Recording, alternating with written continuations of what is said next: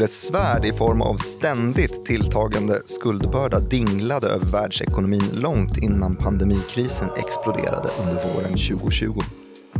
Något som till stor del förenade de här båda systemhoten, viruset och skuldberget alltså, det var epicentret Kina, varifrån coronaviruset började spridas vintern 2019. Kina var även i eh, mitt i ska jag säga, riskzonen för en lika allvarlig smitta som också lika ofrånkomligt skulle sprida sig gestaltad av zombiebolag skapade av årtionden av återupplivning där skulderna flyttats över till det kommunistiska enpartiväldets banker. Fanns risken för att en finansiell zombiepandemi skulle dra världsekonomi i en ofrånkomlig depression eller var allt sammans egentligen bara en stor konspirationsmyt? Det jag vet säkert det är att det här är Follow the Money, en podcast från Nyhetsbyrån Direkt om finans, om storpolitik och börsen. Och idag ställer vi oss den nämnda frågan och funderar på om det finns en risk att zombieföretag även blir ett faktum i väst när världsekonomins främsta aktörer räddar bolag från undergången och gör vad Kina gjort sedan marknadsliberaliseringen, svårt ord. Eller om vi till och med redan är mitt i den här apokalypsen utan att vi riktigt har förstått. Har du förstått eh, vad jag har sagt, Joakim Rönning? Mm. Det var, det var långt och prövande inledning får jag säga. Många Mm. svåra ord. Fint. Men ganska fint ja.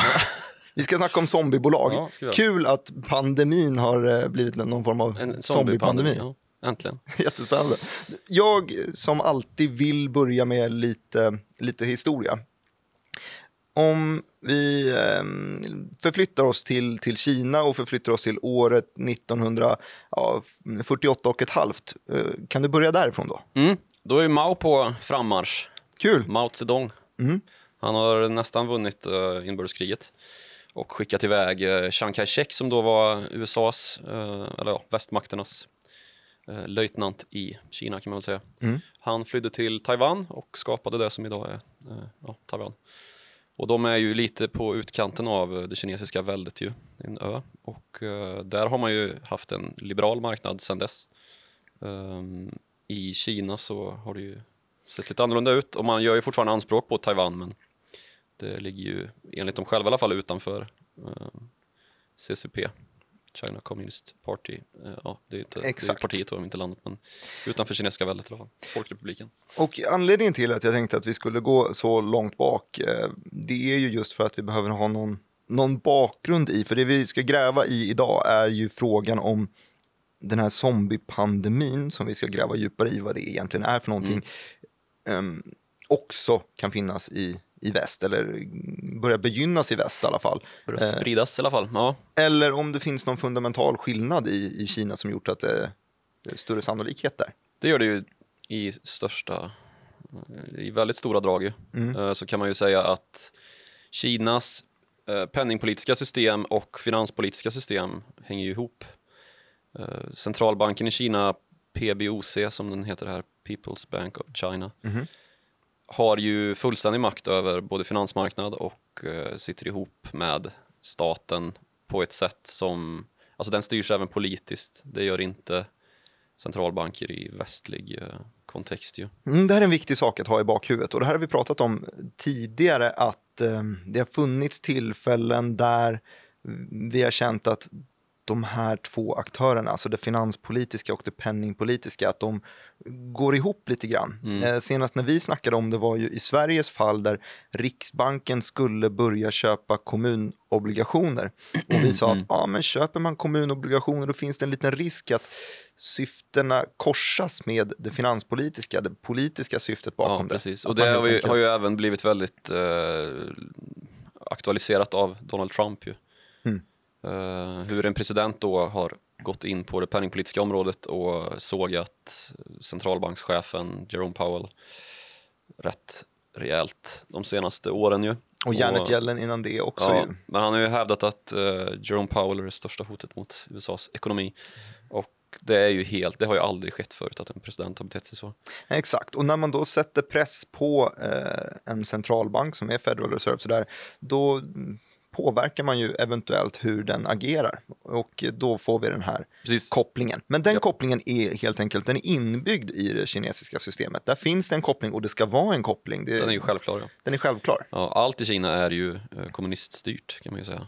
Mm. Det, allt, det finns ju bara ett parti och därigenom så blir det ju totalitärt och all, ja, de bestämmer ju allt. Eh, Så det finns ingen, ingen egentlig gränsdragning mellan vad som är myndighet och politik. Liksom. Mm. Eh, Alltså myndighetsutförande och politik då kan man ju säga. Utan de bestämmer allt det. Och det har ju även färgat banksektorn såklart. Eh, Från början så var det ju bara fyra banker egentligen. En för eh, eh, utrikeshandel, Bank of China. Eh, En som heter Industrial Bank of China som är då eh. Industrial and Commercial Bank som då, ja, industrier och Mm. handel. Eh, sen så har vi ju Agricultural Bank som då är ja, lantbruk och eh, landsbygds eh. Och sen så har vi eh, en sista som heter, eller jag kanske redan har sagt fyra. Ja, jag tror att du har sagt tre. Okej. Ska du komma ihåg den? det behöver du det, faktiskt kan, inte det, göra. det kommer sen. ja, vi Ehm, kommer ju landa in på de områdena Ja, eh, men det är i fyra stora då i alla fall. Och den mesta kapitalutdelningen då, eller inte utdelningen, men den bäst, mesta kapitalförsörjningen har ju skett då till i grund och botten eh, statliga bolag såklart eftersom att ja, allting hänger ihop så att Mm. säga. Eh, och det har ju gjort att mindre aktörer eh, har haft svårt att finansiera sig via banker kort och gott och även hushåll då. Exakt, och eftersom att eh, de här fyra statliga bankerna eh, ligger närmare det kommunistiska partiet så har det varit lättare för dem att finansiera och, och, utvärdera andra statliga bolag och ge dem lån till fördel för andra eh, mindre egenföretagare. Precis. Så de har fått fördelar där. Ja, och det har ju blivit en väldigt stor, det har ju resulterat i en väldigt stor skuggbankverksamhet i Kina. Och eh, definition på skuggbank, vad är? Skuggbank är svårt att definiera, men skuggbankverksamhet kan man ju definiera som alltså, transaktionsverksamhet som inte går via banker. Mm. Alltså, det är fortfarande inte ovanligt, men det, det är väl långt ifrån alla kineser som har ett bankkonto. Mm. Och då blir ju behovet av finansiering av, ja men, eh, det, det kan ju vara allt från liksom, maffiaverksamhet till eh, en lite rikare farbror eller moster. Liksom. Mm. Ehm, Det är helt att det, blir, enkelt... det, blir, det, blir, det blir finansiering som, som sker då bättre beställd eh, finansierar en lite sämre beställd eller någon i behov av eh, kapital. Då. Mm. Eh, både hushållsmässigt och eh, företagarmässigt. Så i situationer där en, eh, en svensk eller en västerländsk person hade kontaktat sin bank för att få ett, ett lån till sitt företag eller eh, bynka 5 000 spänn för att köpa flygbiljetter till att se fotbolls-VM eller vad man nu vill göra så eh, är steget närmare i den västerländska situationen att man faktiskt kontaktar en bank eller en bynk eller vad man nu vill Mm. ha. Jag har gett dem för mycket utrymme. Um, Medan i Kina så är det större sannolikhet att man eh, söker samma typ av finansiering hos först släkt och vänner, sen se om någon känner någon och sen om Mm. någon känner någon känner någon. Exakt. Sen så får man finansieringen på så sätt, snarare än att besöka de här stora statliga bankerna. Japp. Och eh, det där är ju också bra att ha i bakhuvudet. Nu har vi i bakhuvudet här att det finanspolitiska och penningpolitiska sitter lite ihop i Kina, eller mycket ihop i Kina, och att eh, skuggbanksverksamheten är också lite större Mm. i, i Kina. Det är två stycken punkter som man ska hålla koll på när du berättar nästa steg i det här. Ja, nästa steg i det här är väl, eh, man kan ju prata lite om eh, att de har ju makten över en valuta som heter antingen renminbi eller om man ska kalla den yuan. Eh, och man har då makten att den är, eh, den är, inte, den är peggad, eller vad man säger på svenska. Eh, den är fast. Ja, jag tror man säger ja, pengar till någonting, Ja, absolut. Den är, den är fast och den, den flyter inte med övriga eh, valutor fritt på en öppen marknad som vi kan liksom, eh, se på kronan då, liksom växelkursen mot dollarn. Mhm. Den är alltså bestämd i eh, Kina Mm. vad en one ska kosta jämfört med en dollar och det bestämmer centralbanken. PBOC.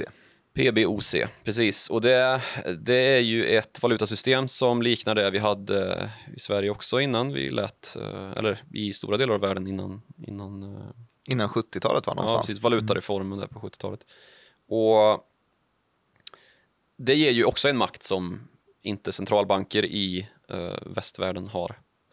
Att man då kan depreciera eller appreciera valutan, alltså göra pengarna mer eller mindre värda. Mm. Eh, och på så sätt kan man ju reglera hur, till exempel, ja, men en, en vanlig grej när svenska kronan går ner mot dollarn så brukar man säga att ja, det är bra för industribolagen för då blir svenska verkstadsprodukter billigare att köpa för Mm. utländska företag och de flesta, eh, det, det, vi är ju ett väldigt exportberoende land så det kan vara bra. Liksom. Mm. Um, ur en annan synvinkel så blir det ju rätt tråkigt att åka till USA um, när dollarn står i 11 spänn för att allting blir dyrt. Um, så där har vi ju lite grann kontexten vilka det gynnar och vilka det drabbar då. Mhm. Och um, sen kanske man ska gå in på därifrån då uh, nöja sig med vad, vad eller man kanske ska gå in också på vad, hur, hur kapitalförsörjningen sker då. Men, eller, det kanske redan är förklarat, men det är ju via de här fyra bankerna och nu har jag kommit på att den fjärde heter Construction Bank of China. All infrastruktur då, alltså? Ja, precis. Bygg och anläggning. Eh, Då går man ju via de här bankerna från Alltså PBOC skjuter ut pengar till de här bankerna och det man gör det är att man justerar räntan då uppåt eller neråt.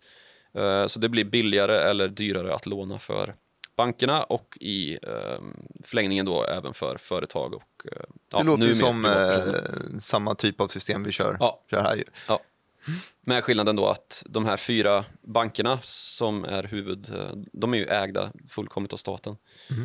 Eh, Så är det ju inte i- Nej, våra delar av världen. nej tack, tack för det. Mm. Det är ju skönt. Eh, Men det här systemet då var väldigt gällande fram till en, en rätt vital kris i Kina som man genomgick och som kulminerade med uh, Himmelska fridens torgs uh, Den här ikoniska bilden med studenten framför pansarvagnen. Precis. Ehm, det var ju då en demokratiproteströrelse som, som gav sig till känna och som drog eh, stora folkmassor till Himmelska fridens torg.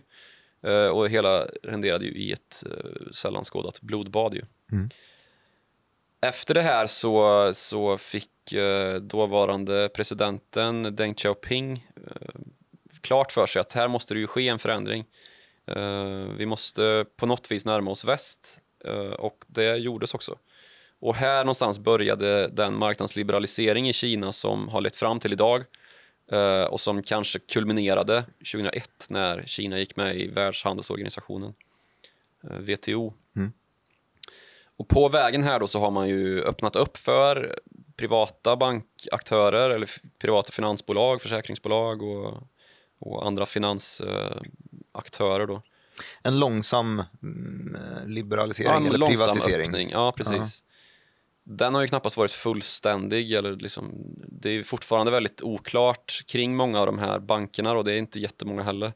Eh, Men mer riksomfattande banker, att det är i rätt stor utsträckning så att eh, staten äger dem också. Mm. Men det, det är väldigt mycket eh, i skuggorna. Eh, Kring Men det är ju också bolag. ungefär där som vi ser eh, den mest explosiva utvecklingen för, Mm. för Kina också ju. Ja, och här, den här marknadsliberaliseringen som liksom kröntes på något vis med att de gjorde inträde i Världshandelsorganisationen WTO eh, var ju att Shanghai och eh, Shenzhen de öppnade börs Mm. eh, där i början på 00-talet efter millennieskiftet. Och eh, då blev ju då, då blev ju en enorm hås för Kina. Äntligen öppnade man upp och man fick tillgång till den här marknaden som tidigare har varit helt omöjlig att investera Precis. nu var det inte riktigt så det såg ut på insidan. i. Nej. Men eh, det, det var ju tydligt ändå eh, att Kina gick framåt och man hade ju tillväxttal eh, för den kinesiska ekonomin som bäst på, jag vet inte om det var riktigt 20 procent i årligt Men takt. jag, vet att vi snackade om det här, om jag får göra en, en instickare. Så i ett av våra första um, corona-avsnitt i, Mm. i början av uh, ja, 4 februari tror jag att det var som vi släppte vårt första. Då snackade vi om staden Wuhan Mm. och så jämförde vi, som väldigt många andra gjorde också, jämförde vi ehm, SARS med eh, Mm. vad vi då visste om eh, covid-19. Eh, och en stor grej som du lyfte då i den jämförelsen i var att eh, när SARS härjade i, i Asien Mm. så hade man tillväxttal på, på tvåsiffrigt. Mm. Och när covid har härjat nu så eh, tittar vi på tillväxttal om ungefär 6 procent, ungefär Mm. hälften alltså. Eh, mindre än hälften i många fall Mm. eh, i Kina. Så det, är, det har förändrats precis. väldigt mycket. Och samtidigt så har ju den kinesiska ekonomin blivit världens näst största, så den här tillväxten har ju, ja, den här tillväxten på en så stor befolkning säger sig ju självt att man tar en väldigt stor plats i världsekonomin och särskilt då bland utvecklingsmarknaderna. Mm. Så en väldigt stor del av, de drar ju ett lok liksom vad det gäller världstillväxten. Ja. Snittar man 10 procent per år Ja, i det sig 15 självt år, när man 20 har liksom över en miljard medborgare. Mm. Ehm, men där någonstans så, så har det ju den här liksom anpassningen till den övriga, eh, mer kapitalintensiva, kapitalistiska världsekonomin Eh, som ju domineras fortfarande av USA, Europa och Japan. Ju. Den, där har det ju slagit lite stopp i maskin. Uh, och det här med produktivitet och BNP-tillväxt då har ju kanske inte varit så, en så liksom stor fråga när tillväxttalen har varit så här jättehöga och uh, man har sett en väldigt tydlig utveckling då av Kina. Det är ju bara att titta på hur, hur stadsbyggnationen har uh, liksom växt. Man kan typ sitta och uppdatera satellitbilder Ja, och se att det nästan. kommer upp nya hus. Ja, Mm. precis. Det har ju varit en helt eh, enorm tillströmning av eh, eh, eller, sysselsättningen har gått upp och man har skapat en hel medelklass eh, från ingenstans i princip. Och, så, att, så att man har kanske inte varit så orolig då för att ja, men de kanske diffar, men eh, vad gör det då ungefär? Okej, så att du du menar de här eh, tillväxttalen som vi nämnde var över 10 procent Ja. eh, från, från 2000 ungefär. Eh, de är man inte så jäkla säker på att det faktiskt var 10 procent. Men man visste i alla fall att det var i de regionerna för man kunde se hur snabbt Ja, de, de växte. Man visste att det var skitmycket liksom. Så att det, Ja, då skiter man i om det är 12 eller Ja, om det är precis, 9. lite så. Mm. Och man har kanske i det här då lite blundat för att all data som kommer från Kina är korrupt. Som jag sa då, att allting sitter ihop, allting i Kina är politiskt, men ingenting i Kina ska verka politiskt. Mm. Um, för det är ju kommunistpartiet och ledningen i CCP, då, Chinese Communist Party, som, eller varför sa jag det på engelska? Jag vet inte vad det heter på Kina, kinesiska. Uh, är ju i linje med vad de tycker och uh, Ja. önskar. Mhm. Um, så all, all data är ju också politisk. Hur mycket man än bönar och ber om att det inte ska vara det. Mm. Och till och med när det har varit vissa index då som har varit väldigt, eh, alltså man har försökt överlista det här problemet då när man upptäckte det någon gång slutet på, eller mitten på 90-talet. Mm. Eh, att det fanns ett problem här så, så försökte man skapa egna index över sånt som eh, elanvändning och tågtransporter och Sånt som har varit väldigt Ja, användbart Ja, nu i corona. GPS-data typ. Ja, men exakt. I coronatider så har vi kollat på sånt som så här, man kan se hur mycket elanvändning som har använts i Ja. Wuhan när de startar upp industrierna igen och så vidare. Och typ hur mycket tåg som folk Mm. reser med. Men då har man börjat korrumpera de här också.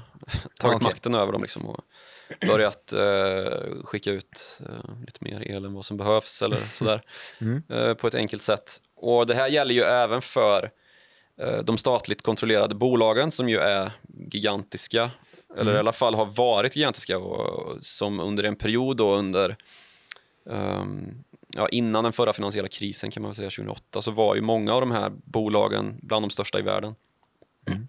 nu ser det inte riktigt likadant ut eftersom att Alibaba och Tencent har kommit upp på scenen och techbolag har ju blivit så oerhört högt värderade. Mm. Eh, och Alibaba då, det är ju en e-handels... eh, Jag tänkte precis, precis be dig eh, bjuda på hisspitchar här. E-handels, eh, det är Kan deras Amazon, eller hur? Ja, precis. Det är Kinas Amazon. Och sen så har vi Tencent då som är ett ja, nätkon- nätbolagskonglomerat med Innehåller allt. ja, typ allt alltså. De har ju eh, nätplattformar och appar och spel. Är ju, gaming har ju blivit en väldigt De stor är lite grej av deras. notoriska för att ha tagit, eh, tagit stekar i de flesta olika gamingbolag Ja. som finns. Det är väl, flödar in kinesiska pengar på, på gamingbranschen där. Exakt. Och um, de har ju mycket nyttjat den här skuggbankverksamheten eller den skuggbankskultur som finns i Kina. För att man har ju gjort de här numer gigantiska eh, apparna Alipay och WeChat Pay Mm. som ju då är som ja, med Facebook Messenger eller WhatsApp eh, i kombination med Swish kan man säga. Mm. Så det här med, nu ska vi inte säga det låneföretaget namn igen, men man kan då gå in i den här appen och ja, men, med ett liksom, fingeravtryck låna pengar för sin konsumtion. Mm, det var det här exemplet du också gav för kul att få referera tillbaka till vad vi har gjort själva. Som vi Källkritiskt. Ja, exakt. Ja. Nej, då, då sa ju du att eh, kreditbetyget kan i Mm. teorin påverkas om du spenderar dina pengar på att köpa bärs eller om du spenderar dina pengar på att köpa blöjor. Ja. Ehm, och det var spännande tyckte jag, tankeväckande. Kul, Mm. grattis. Det, så där har vi också lite grann hur totalitärt det faktiskt är under, Mm. under eh, vad ska man säga, bakom kulissen. Mm.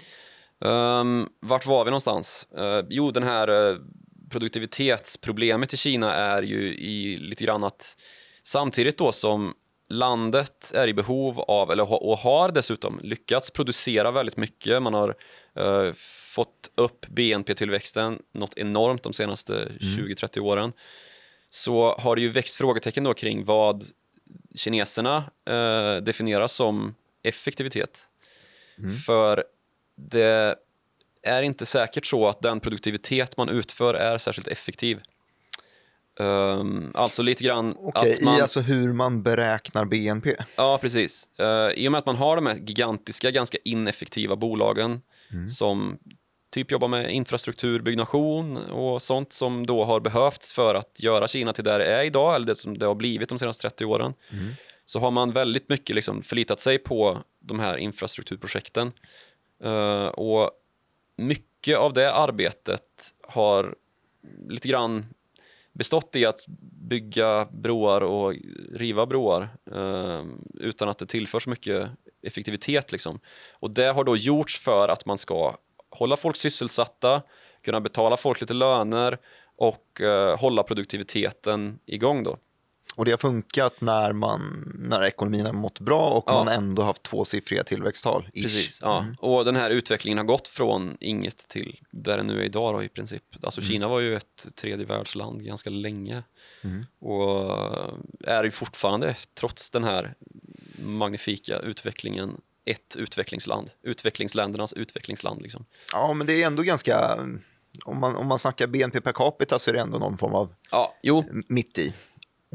men eh, de, har, de flesta länderna ska man ju säga är utvecklingsländer i jämför, jämförelse med välutvecklade länder om man kollar in på ehm, Här skulle Hans Rosling ha ett och annat att säga till dig om att det inte går att kategorisera länder på det sättet.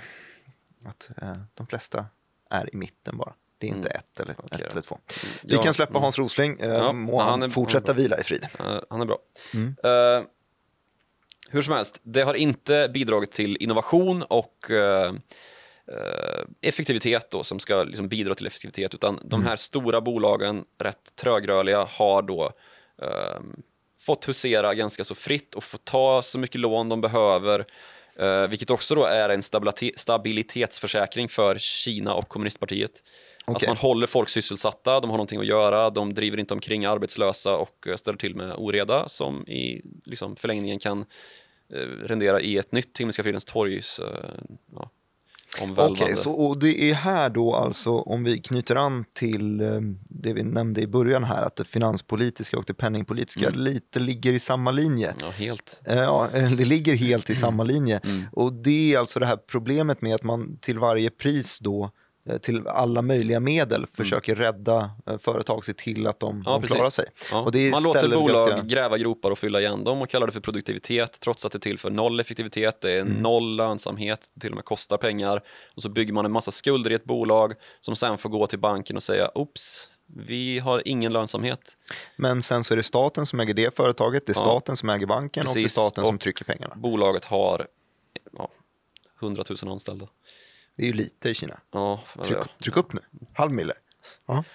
Men Nej, jag förstår då, då, då blir det i alla fall en, en stabilitetsförsäkring att rädda det här bolaget och Mm. eh, då puttar man ju över de här skulderna på den statligt ägda banken. Mm. Ehm, och det, är- det, det är då det här bolaget som gräver gropar och sen fyller igen det och sen gräver en ny grop och fyller igen. Det är det Och- som är ett zombieföretag då kan man säga. Exakt, så zombieföretaget, definitionen där får helt enkelt bli att det är ett företag som är lite too big to fail. Var Ja, väl något som noll myntades. lönsamhet och Mm. ständigt eh, får gå tillbaka till banken och säga oops. Och det här blev ju nästan lite som en liten, liten inledning till den diskussionen som pågår i typ alla ekonomier, antar jag just nu, Mm. vilka företag ska man rädda? Mm. För att det finns ju då en, en stor risk att man räddar företag som kanske förtjänar att dö ut. Alltså marknad, en ekonomi, är ju så att det är, det är väldigt många företag som skapar och det är mycket färre än så som överlever och faktiskt mm, klarar sig och Mm. blir, Ja, blir lönsamma. Och det är ju så Ja. att på sikt så kommer alla företag konka. Det är, det är liksom eh, genomsnittslivslängden på ett företag, även de allra största. Innovation gör att de, de går i graven förr eller senare. Så att, eh, vilka företag ska man rädda? Och det här lyfter ju då zombiedebatten. Ja, och det här har ju blivit lite grann som att liksom sitta och ösa ur en läckande båt. Att man inte tog tag i de här problemen som senast vid förra finanskrisen. Eh, och liksom laga hålet i båten istället för att sitta och ösa. Eh, utan laga hålet först och sen ösa. Liksom. Mm. Eh, och det har vi också tagit upp tidigare avsnitt att eh, det är för sent att laga båten nu kanske. Så, så vad är lösningen på det här? Eller vad är nästa grej? Nej, det får du inte fråga. Nej. Nej, men eh, om vi ska försöka komma in lite grann på, på den liksom sentida utvecklingen i Kina så kan vi ta det ifrån då där vi var med WTO och eh, att Kina blev ett, ett börsland att räkna med. Eh, det tillstötte ju en del problem då för eh, framåt 2015 där så började man börja tvivla, de här tvivlen på Kinas produktivitet då, och bli lite för stora och man började upptäcka att det fanns ganska många zombieföretag. Zombieföretag är egentligen ett, ett begrepp som väl kom till typ när Japan hamnade i... Ja, men exakt. Det, det, är, det är ju precis innan eh, 00-talet Mm, i. Japan under den eh, väldigt lågproduktiva, de förlorade Ja. åren kallar de dem väl Ja, för, eh, Japan. Ehm, så eh, där, där kom staten in och hjälpte företag lite för mycket och eh, man kallade dem för zombieföretag för att de egentligen inte tillförde någonting. Ja. Eh, Där hamnar man ju lite grann med Kina också när man upptäckte att den här enorma verkstadsindustrin de har byggt upp, och, eller tillverkningsindustrin egentligen, eh, hade väldigt, väldigt låg lönsamhet och väldigt, väldigt stora skulder och eh, att det fanns liksom en överproduktion. Att man tillverk, alltså för många tillverkade för mycket saker som liknade varann till ingen efterfrågan. Mm. Mm, så att man liksom byggde utåt, gå, utgående lager kan man säga. Och det här var då alltså under 20, 2015 som... Ja, 10-talet. Eh, och samtidigt då så hade man ju en massa marknadsmässiga problem med en ganska så o, alltså, aktiebörsovan befolkning som uppmanades i statliga medier då om att köp lite aktier, det är nice. Ja. Belåna dig gärna och köp lite aktier. Så blev det ju då en våg av så kallade margin calls, eller liksom där, där eh, högt belånade portföljer kollapsade och tvångssåldes och så blev det ett, eh, en dominoeffekt och, som inte eh, duga. Kunde man inte lösa det här genom att eh, devalvera en liten valuta eller något sånt där?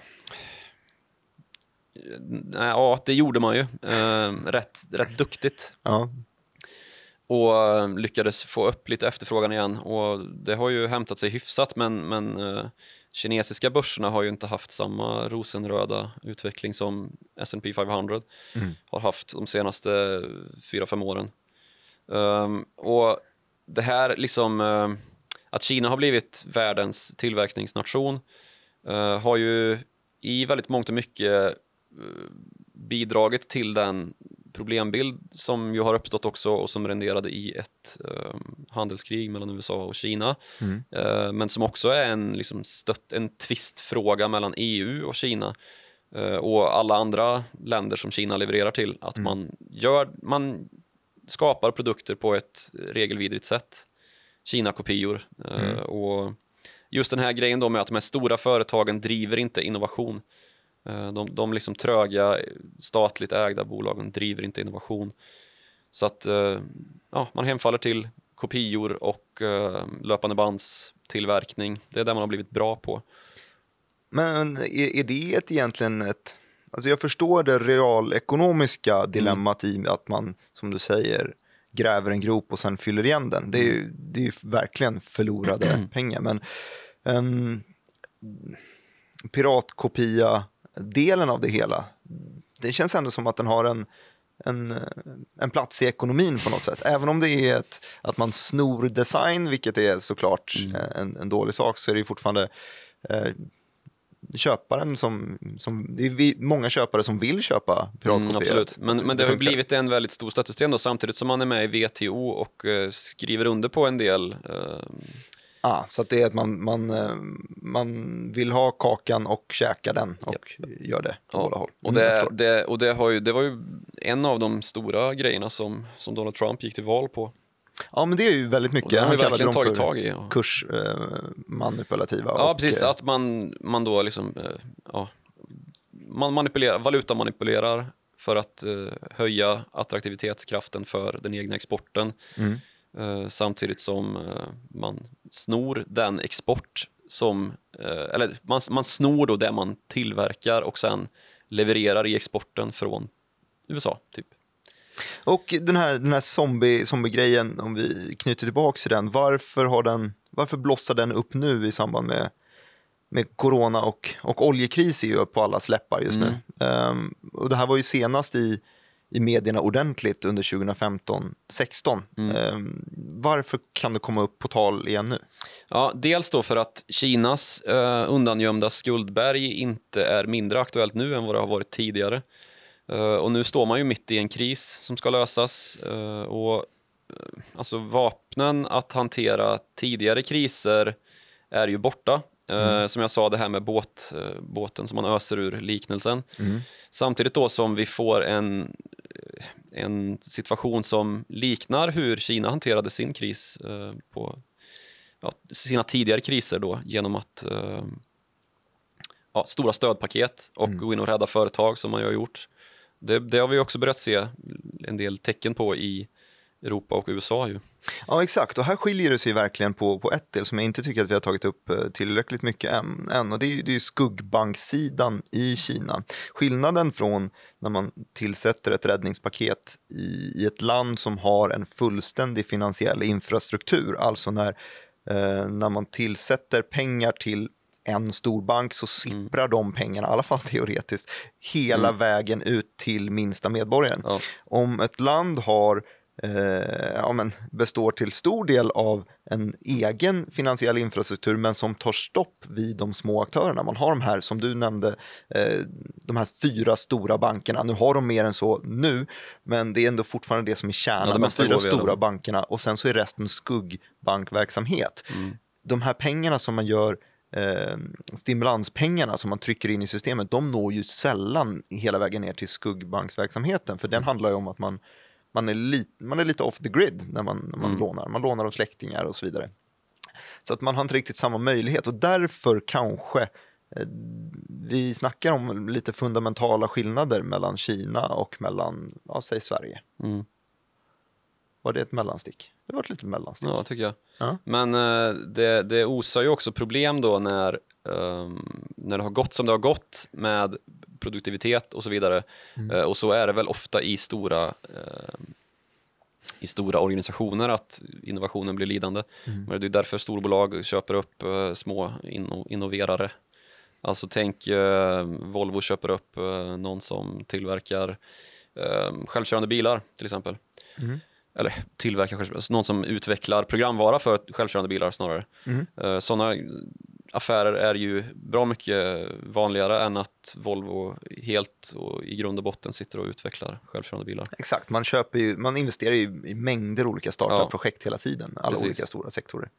Och ehm, det drar ju ner produktiviteten då när man inte kan bibehålla den, eller det drar inte ner produktiviteten, det drar ner effektiviteten när man inte kan bibehålla en hög effektivitet genom att innovera för, med en utveckling då liksom. Det skapar ju inte utveckling att bara göra samma sak hela tiden. Och då hänger man ju inte med i eh, den övriga världen då som har en högre innovationskraft. Eh, och det har vi ju sett i eh, demokratier. Alltså, länder som USA och Japan är ju mycket längre fram i innovation än vad ja, men, säg Kina är. Mm. Ännu bättre Nordkorea. Liksom. När kom den ut?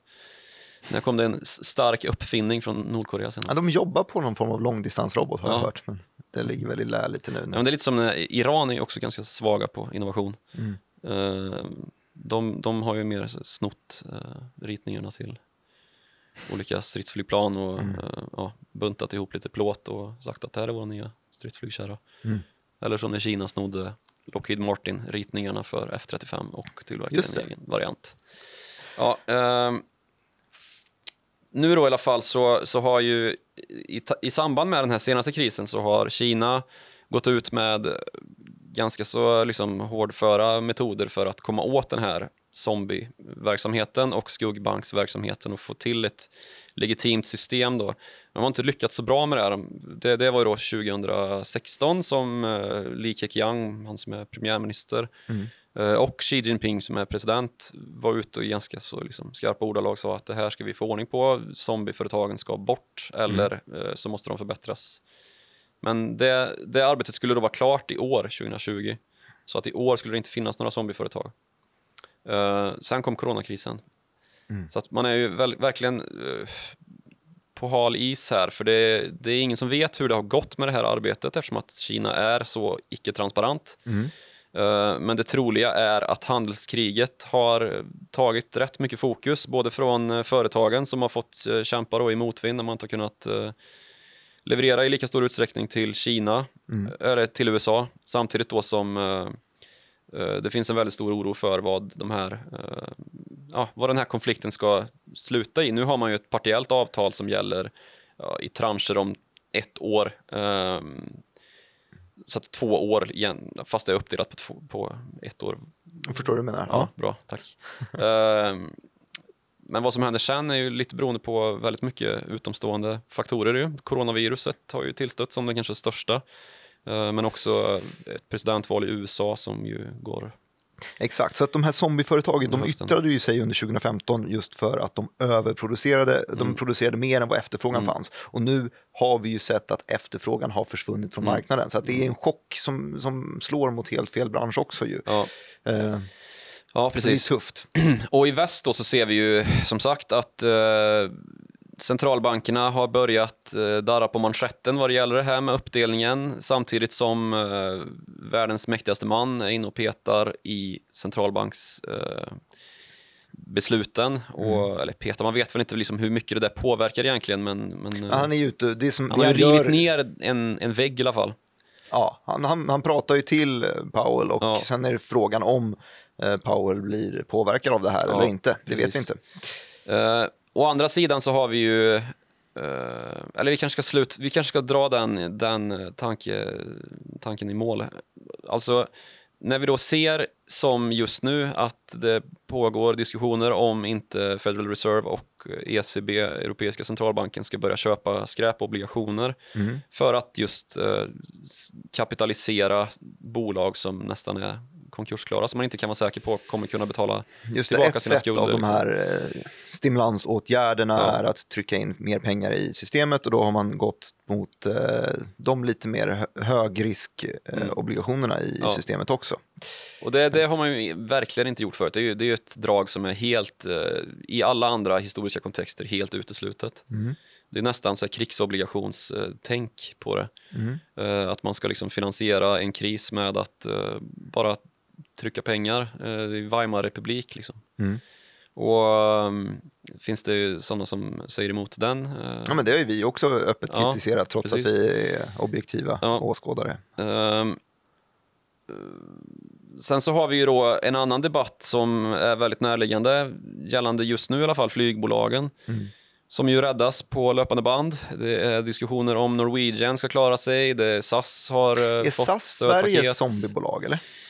Alltså zombiebolag då, om man, om man, går, om man liksom lättar upp det i en västerländsk kontext så borde väl det vara liksom bolag som ständigt får gå tillbaka till kapitalmarknaden för att försörja sina, sina, in, ja, sina Men alltså det, det, leverantörer. det funkar ju med eh, olönsamma bolag, är ju inte, det är inte ovanligt. Liksom. Nej, men det är ju det här 16 med- procent av US, alltså S&P 500-bolagen eh, är av den art att de liksom fler än en gång de senaste, jag vet inte vad liksom den konkreta definitionen är, men 16 procent ungefär har ett, ett Ständigt tydligt behov av att fylla behov på. av att fylla på kassan eh, för att de inte är tillräckligt lönsamma. Och samtidigt är de tillräckligt stora så att staten själv har ett litet intresse att, eh, att hjälpa. I, SAS fall i alla fall. Ja, och det är, ju, det, är ju ägarandelar och- verkligen, det är ju väldigt nutida också, men innan den här krisen så var det 16 procent av S&P 500-bolagen som gick tillbaka till marknaden i så pass hög utsträckning att de skulle kunna kallas zombiebolag ur någon sorts definition.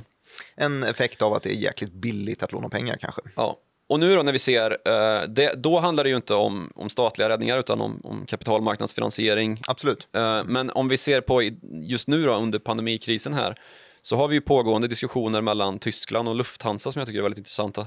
Vad händer där? Eh, där är ju då staten på väg in med ett lån, eh, har i alla fall marknaden trott. Eh, väldigt, liksom, att man är långt fram och att det här kommer lösa sig.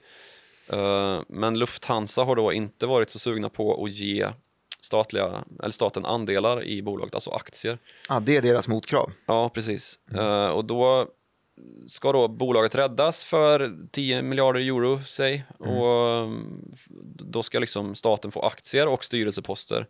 Och vdn i Lufthansa, Karsten Spoor, han har varit ute och sagt att det är inte på tal, alltså då går vi hellre i konkurs. Ja, Vad uppfräschande på något sätt, Mm. tycker jag. Det är lite färskt. Ja. Men då är det alltså, eh, statens intresse här är ju att eh, helt enkelt skydda jobben så att ekonomin snurrar på och så att man kan bli återvald så Mm. Ja, och sen småningom. så är det ju lite samhällskritisk verksamhet för att Luft, Lufthansa är ju liksom huvud, eh, ska man säga, huvudoperatör från Frankfurt, största flygplatsen i Men då, då, då sitter ju egentligen eh, Lufthansa på, på ganska bra kort här. De Ja, vet det- att staten ju- måste rädda dem, så det kan vara ett förhandlingsspel. Ja, precis. Man kan, ju, man kan ju kanske se det som ett förhandlingsmedel och ett förhandlingsdrag. Eh, Men det finns ändå en tangeringspunkt med de här kinesiska bolagen då som eh, är så fruktansvärt improduktiva, ineffektiva, produktiva är de ju. Eh, Att Karsten Spoor, då, vdn för Lufthansa, är ute och vevar om att vi vill inte ha staten. De ska inte sitta i vår styrelse och fatta en massa beslut. De ska inte ha en massa aktieägarmakt och kunna rösta bort eh, beslut som, som flygsektorkunniga vill driva igenom. Så att vi blir icke konkurrenskraftiga och det renderar i liksom kapitalförstörelse för eh, de är skattebetalarna. de långsiktiga här då. Ja, och det är ju då det är ju deras förhandlingskort. Men det är också ett kort som Boeing har dragit, en annan. Ja, ju... Ja, men det var det. De nekade ju det första räddningspaketet och sa nej, det är inte tillräckligt bra. Nej, Eller de hur? sa till och med nej men ni får inga aktier. Vi, då går vi till kapitalmarknaden och, som ju är ganska så välkapitaliserad, i alla fall i USA på företagssidan. Mm. eh, och tar lån via banker istället. För att Boeing är så stora att ett lån till dem som, eh, som betalas tillbaks det, det är liksom en, en guldkalv för alla banker som eh, involveras i det. Ja, så de vill verkligen ge, ge pengar till Boeing i alla fall. Ja, men det är ju också samma där, liksom, att det är, ju, det är ju ett smart drag att vänta på att staten kommer tillbaka och ger ett nytt förslag då. Om att okej, vi- ni slipper, ni får en, ett jättebra brygglån istället.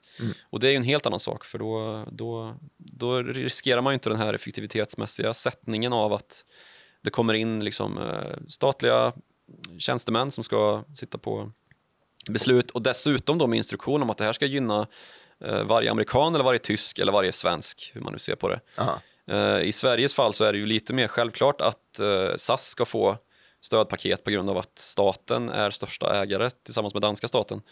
Eh, Så att där är ju inte separationen lika tydlig som den är mot Boeing till exempel. Exakt, huvudargumentet där ser lite annorlunda ut än att det är, det är ju också en, en kritisk infrastruktur Ja, i Sverige. Det och det gäller ju säga. Norwegian också då som är på fallrepet riktigt duktigt. Ja, de har det tufft, verkligen. Jag är själv eh, medlem i i Norwegian Bank och de skickade ut ett, Ja. ett eh, meddelande till alla sina eh, kunder och sa att eh, vi är inte samma bolag, ni kan vara lugna. Om de konkar så kommer vi fortfarande stå. Så behöver man Var skicka ut det var så... ska du spendera dina bonuspoäng då? Ja, jag, det är det jag är lite ledsen I över. Norwegian? Hur du köpa? Jag hoppas SAS köper upp dem så kan jag Ja, fixa det. kanske. Kanske fram, ja. Eh, Lufthansa. Men samtidigt då som, som ehm, fan vad spretigt det här blir nu. Ja, det är superspretigt avsnitt. Men, Men, du, det är spännande. Ja, jag tycker också det är Eh, spännande. För nu då, i takt med att handelskrigsdebatten debatten har rasat de senaste åren Mm. och ju faktiskt varit en aktualitet under eh, ja, hela andra halvan av 10-talet i alla fall. Mm. Och som ju då kulminerade med det här eh, med att Trump blev president och sedan då det här partiella avtalet. Under den här perioden så har Kina gett med sig lite grann i den här liberaliseringen då som man fortsätter att göra. Ehm, utan att helt släppa taget såklart eftersom att man är ett kommunistparti eh, som styr. Så har ju ändå man öppnat upp då som en del i den här liberaliseringen för internationella finansbolag. Och det finns ju inte en enda multinationell storbank i alla fall inte amerikansk, som inte har satt ner fötterna i Kina nu. Mm. Och fått de här certifikaten och licenserna som krävs då för att bedriva bankverksamhet i Kina. Och det handlar ju i ganska stor utsträckning om att putta ut eh, lån på den kinesiska marknaden.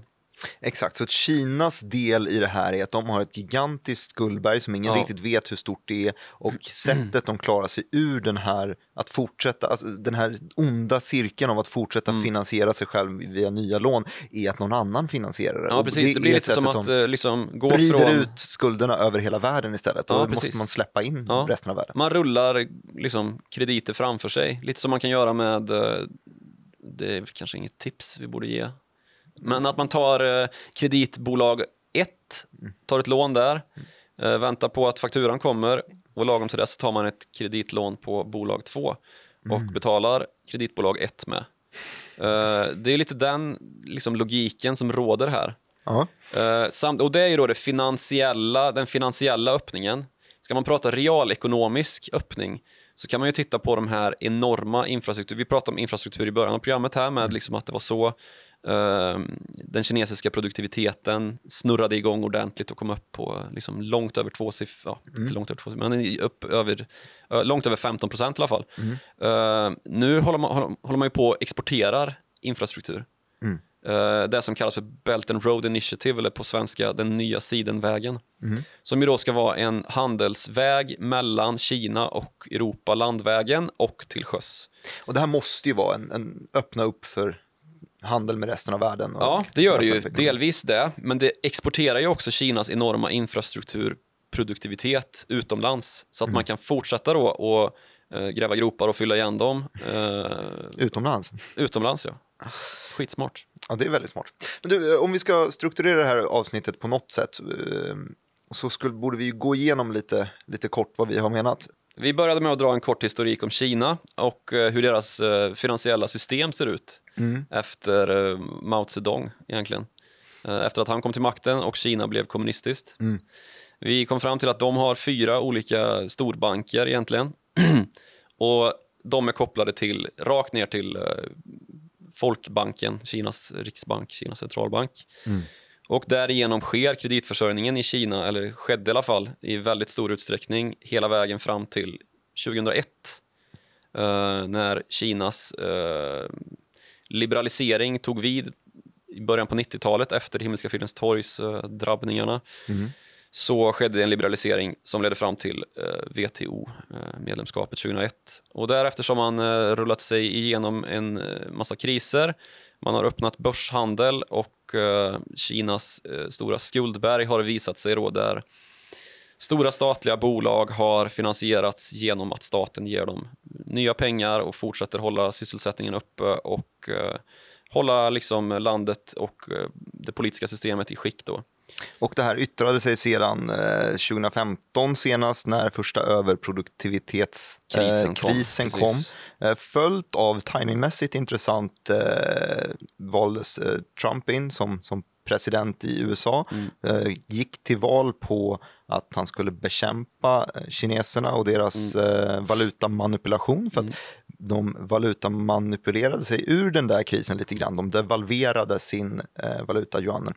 Um, och det här är ju då också, har legat lite mm, i skymundan, har, har liksom överträffats av andra kriser eh, runt om i världen. Det har varit en, mm. en stor handelskrigskris däremellan som har fått väldigt, väldigt mycket fokus.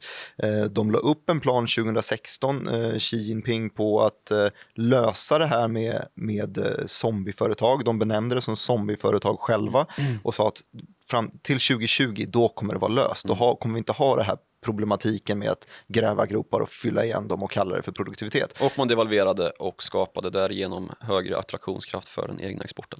Men nu tror vi inte att eh, de har löst det här med zombieföretagen för att det har just varit handelskrig däremellan. Det har haft full fokus på otroligt många andra. Det har varit otroligt geopolitiskt skakigt och sen så kom en pandemikris mitt i allt och då drar vi kopplingen pandemi zombiepandemi. Den här krisen kan komma upp till ytan igen nu mm. när ekonomin ser skakig ut. Dessutom så frågar vi oss om det är så att vi här i väst också börjar skapa zombieföretag nu eller om det är något helt annat. Och den fundamentala skillnaden där var att det penningpolitiska och finanspolitiska sitter inte ihop och eh, skuggbanksverksamheten är inte lika stor i eh, Sverige jämfört med i Kina. Så är det. Eh, sen så kan man ju fråga sig då, men det här med devalvering verkar ju vara en smart grej. Mm. Kan de inte göra det igen? Jo. Nej. Eller det kan de ju, men det är ingen som vill det. Uh, för det som har hänt då under den här perioden när Kina har gått från att vara ett uh, export totalberoende land mm. uh, som är väldigt beroende då av kapitalinflöden från att man säljer saker till andra länder till då att bli ett land som utsätts för en massa handelsrestriktioner och en massa politiskt trubbel för att man snor eh, ritningarna och mångfaldigar det i sina egna fabriker. Mm. Så vill man ju stärka upp den inre marknaden, alltså att Kina, kineser ska handla av kineser. Mm. Eh, och det som händer om man devalverar är ju att kinesiska pengar blir mindre värda. Ah. Eh, så man kapar ju ganska stor del, eller man, man riskerar ju då att kapa eh, köpkraften för, för kineser och eh, lite grann. Och det vill man såklart undvika. Ja, precis. Det är ett vapen som man redan har använt. Det är redan förbrukat. Krutet är slut där. Mm. Joakim, jag är, det är superhärligt att, att få sitta och surra med mm. så här eh, en gång i veckan. Eh, det här kanske blev vårt spretigaste, men det, det tar på någonting väldigt intressant och det någonting som eh, kanske inte figurerar i media så mycket än, men det kanske dyker upp. Eh, för det gäller ju att ha det koll på... Det brukar vara som en follow the money, först ut. Först ut ja, hoppas det även denna gång. Hoppas att ni eh, lyckades följa med och gjorde det med ett leende. Om ni gjorde det så får ni gärna höra av er. Det kan man göra till eh, followthemoney@direkt.se. Man kan också säkert göra sig förstådd eh, i kommentarsfältet på Youtube eller i någon av podcastapparna. Vi finns ju typ överallt. Eh, tack så mycket för att ni hängde med.